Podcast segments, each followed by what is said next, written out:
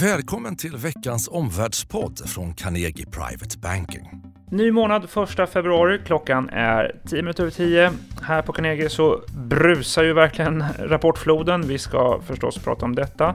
Vi ska också prata om eh, långräntorna som nu har börjat ticka uppåt i början på det nya året. Dessutom Brexit, ett konservativt myteri som utmanar Theresa May. Du får tre analyser på 10 minuter om händelser som kortsiktigt eh, driver marknaderna och långsiktigt formar makro. Du är välkommen som lyssnare.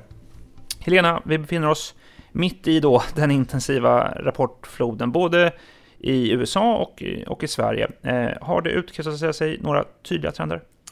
Och man kan väl börja med att konstatera att det är verkligen intensivt. Den här veckan så är det 120 av de 500 stora bolagen i USA som kommer med rapporter.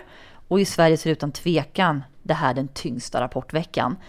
Eh, I Sverige så är det faktiskt ganska blandade signaler, men jag tycker man kan väl påpeka fyra saker då. När det gäller rapporterad vinst så är det faktiskt fler besvikelser än överraskande starka resultat än så länge. Eh, för det andra då när det gäller analytikernas prognosförändringar så är det också fler sänkningar av prognoserna än vad det är upprevideringar. Eh, stora bolag har visat mer styrka än de små hittills. Eh, men kom ihåg då det fjärde att det är lite för få bolag för att dra några starka slutsatser på sektornivå. Men hittills har verkstadsbolagen visat okej resultat. Mm. Är det några av de större bolagen som har överraskat? Ja, det är Om vi tittar på de tunga index så Nordea var ju svagt. Det är ett av de stora bolagen. Eh, och de har så stor vinst så det tynger ju då alla de här aggregerade vinstestimaten som, som firmor räknar fram. SE-banken var bättre om vi håller oss till banker. Atlas Copco var okej, Volvo var bra.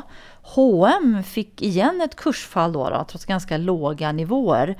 De gjorde någon form av, av nyemission, att man minskar inte utdelningen men man kan få den i aktier om man så önskar verkar det som. Och det här då var en oroande signal för marknaden. Ericsson föll återigen på en svag rapport. Just det. Den amerikanska rapportfloden, vad tar du fasta på därifrån? Ja, just nu så tycker jag nog att det är teknologijättarna som är i fokus. Du nämnde det här förra veckan Henrik, hur de kritiserades hårt på toppmötet i Davos. Mm, återkommande. Ja, förut var det bankerna som fick skäll, nu är det tech. Eh, de sägs ju då hota vår demokrati och vår hälsa och de betalar nästan ingen skatt alls. Eh, men eh, rapportmässigt då så var det ju så att Facebook kom igår. Eh, lite intressant, okej okay rapport precis som för Microsoft, men de får lite färre användare om man är lite kortare tid på Facebook, så det var en oroande signal. Tech har ju varit det som förra året lyfte amerikanska börsen. Så för stora besvikelser här, det kommer ju fler rapporter imorgon, mm. Apple bland annat, skulle kunna ge stora kursfall, Och kursreaktioner. Din, din korta slutsats? Ja, det är lite tidigt att dra starka slutsatser, men rapportsäsongen än så länge lite svag i Sverige. Helena, också ett fokus på räntorna har det varit här. Eh, Gällen hade ju sitt sista möte igår kväll. Eh, nu tar Powell vid. Eh, vi har också sett här både i veckan men överhuvudtaget en trend från årsskiftet hur det har varit en viss uppgång i obligationsräntorna. Mm, vad, betyder, vad betyder det för börsen? Ja, man kan ju börja då med Jellens möte igår. Det var inga avgörande signaler. Det är intressant att hon ändå beskrev ekonomisk tillväxt som solid. Det är ett mer positivt ord än vad de har använt tidigare och det är helt i linje med de makrosignaler vi har sett och de skattesänkningar som har levererats. 31 mars då står Powell för showen och då är han ju ny chef. De kommer med nya prognoser och de håller en presskonferens.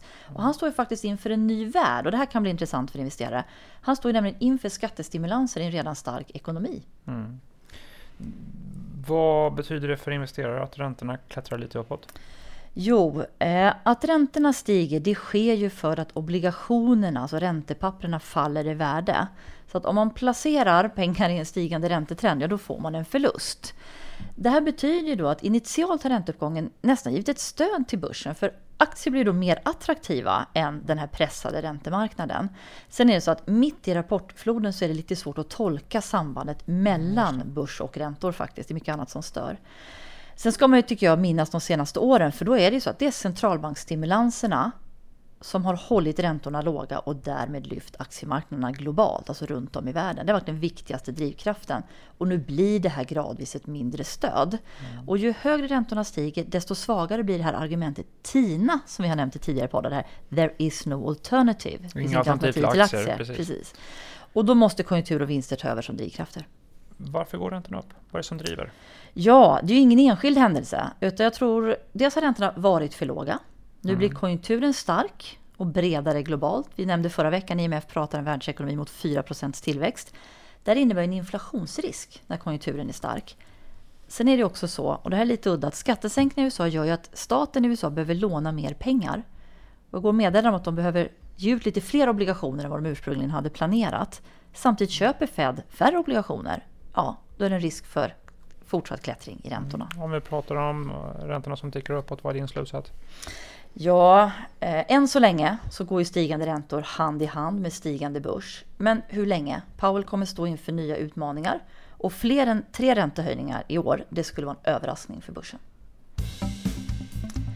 Ja, över till dig Henrik. Eh, den brittiska premiärministern Theresa May landade igår i Peking i Kina för samtal då om möjligt handelsavtal. Eh, samtidigt då så pressas hon ju i brexitförhandlingarna både från det egna partiet men också från EU-länder och Bryssel. Vad händer egentligen? Ja, eh, håll koll på det här nu, för att nu tilltar pressen eh, tydligt mot eh, Theresa May. Det, det började faktiskt i Davos då, förra veckan, där hennes finansminister eh, talade sig varm för en väldigt soft Brexit. Han uttryckte som att förhållandet mellan EU och Storbritannien bara kommer förändras citat en aning. Och det där fick ju Brexit-anhängare att göra myteri i Torypartiet. Eh, det finns nu flera medieuppgifter om att det är 40 konservativa parlamentariker som vill ha en förtroendeomröstning om Theresa Mays eh, partiledarskap. Det där spelar en viss roll, det där talet. Eh, är det så att de blir 48, det kommer en anslutning på åtta ledamöter, då måste man ha, då säger regelverket att då måste man ha en omröstning om ledarskapet. Och då kommer det faktiskt att skaka i, i, i London. Det finns också fler tecken på sprickor i Torypartiet. Dels flera donatorer som uttrycker missnöje, dels regeringsledamöter som pratar emot mig och dels uppgifter och kanske mycket spekulationer men ändå eh, noteringar på att BJ, Boris Johnson, eh, vässar knivarna i, i kulisserna. Så det är skakigt i London. Låter mycket intressant, men samtidigt då Henrik så kom det ju ganska besvärande uppgifter här i veckan som visar att kostnaden för Brexit blir högre än beräknat, ja, eller hur? Det, det, var också en vedbrasa det här får man säga. För det kom en rapport eh, i, i tisdags kväll från eh, Finansdepartementet som läcktes också i flera medier. Den pekade på de ekonomiska konsekvenserna för Brexit vid tre olika scenariot. Det första scenariot, eh, det, det hårdaste så att säga, är no mm. deal scenario. Man faller tillbaka på WTO-handelsregler. Det skulle sänka tillväxten i Storbritannien med 8 procent av de närmaste 15 åren. Det andra scenariot, som är ett eh, frihandelsavtal mellan Storbritannien och EU, det skulle minska tillväxten med 5% över 15 år. Och det tredje scenariot, ett så kallat Norgeavtal, alltså att mm. britterna får tillgångar till den inre marknaden, skulle sänka tillväxten i Storbritannien med 2% Alla scenarion eh, sänker tillväxten. Det värsta scenariot sänker tillväxten faktiskt mer än vad britterna trodde före folkomröstningen. Eh, den här rapporten då gav ju klart stöd till en soft Brexit. Eh, och och fick då också effekten att brexithökarna eh, kritiserade det här och som jag sa, mer eh, ved till en ordentlig brasa i Torypartiet. Mm. Som investerare så är det många som önskar ökad klarhet då. Det skulle man kunna tänkas få om man fick ett avtal om en övergångsperiod. Det är önskat både av näringslivet och investerare då. Men när fattas det beslut om det här Henrik? Ja, Vet man det? Detta är det enskilt viktigaste att nu hålla koll på tycker jag faktiskt. Alltså, eh, det, det som nu diskuteras mellan EU och britterna är den övergångsperiod som Storbritannien eh, har bett om att få. E, enligt planen så ska den perioden då inledas omedelbart efter det formella brittiska utträdet den 29 mars 2019 och sedan pågå fram till den 31 december 2020. Alltså 2021 är då datumet när britterna faktiskt lämnar. Under den här övergångsperioden så vill britterna ha full access till EUs alla funktioner, inklusive den inre marknaden. För det eh, så vill EU att det är business as usual, att Storbritannien fortsätter följa alla EU-regler, också nya som, som lagstiftas om under den här perioden. Och dessutom att de fortsätter betala. Eh, men får inte vara med att rösta, de får inte tillträde till beslutsrummet, sitta med vid, vid, vid, vid sina möten. Eh, och det där, ehm, eh, det där är ju en stor diskussion. Det får ju också då eh, de här brexit-hökarna som vill ha en hard brexit i Torypartiet att reagera igen och säga att nej men det här gör ju Storbritannien till en vasallstat som de kallar dem. Så det, det är en liten besvärlig eh, process eh, om detta. Eh, mm. viktigt datum då är EU-toppmötet 22-23 mars då May vill, för näringslivets skull, för investerares skull, att beslut ska fattas om den här övergångsperioden. Hur det går, ja, vi får, det blir nog en, en, en krokig resa eh, fram till detta. Mm. Vad blir din korta slutsats Henrik? Basscenario, trots allt, eh, beslut kommer vid något tillfälle under året fattas om en sån här övergångsperiod. Eh, EU vill ju ändå ha det. Eh, eh så fram till 2021 kommer det vara business as usual vad gäller regelverket i Storbritannien. Det är basscenariot.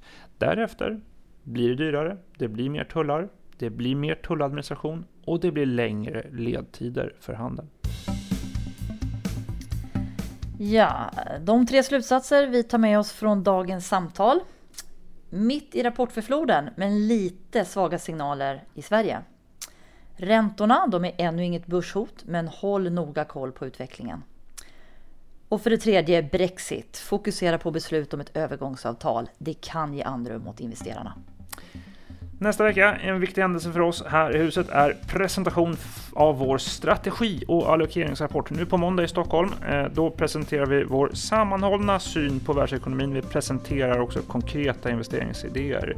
Eh, stort intresse för detta. Tre föreställningar i Stockholm, sen vidare till Göteborg, Helsingborg och Malmö för presentation för privata investerare. Smakbitar eh, ur den här rapporten kommer också att presenteras på carnegie.se. Följ oss där och nästa vecka så spelar vi in ett nytt avsnitt av Omvärldspodden den 8 februari. Tack för idag. Tack och hej. Tack för att du har lyssnat på Omvärldspodden från Carnegie Private Banking.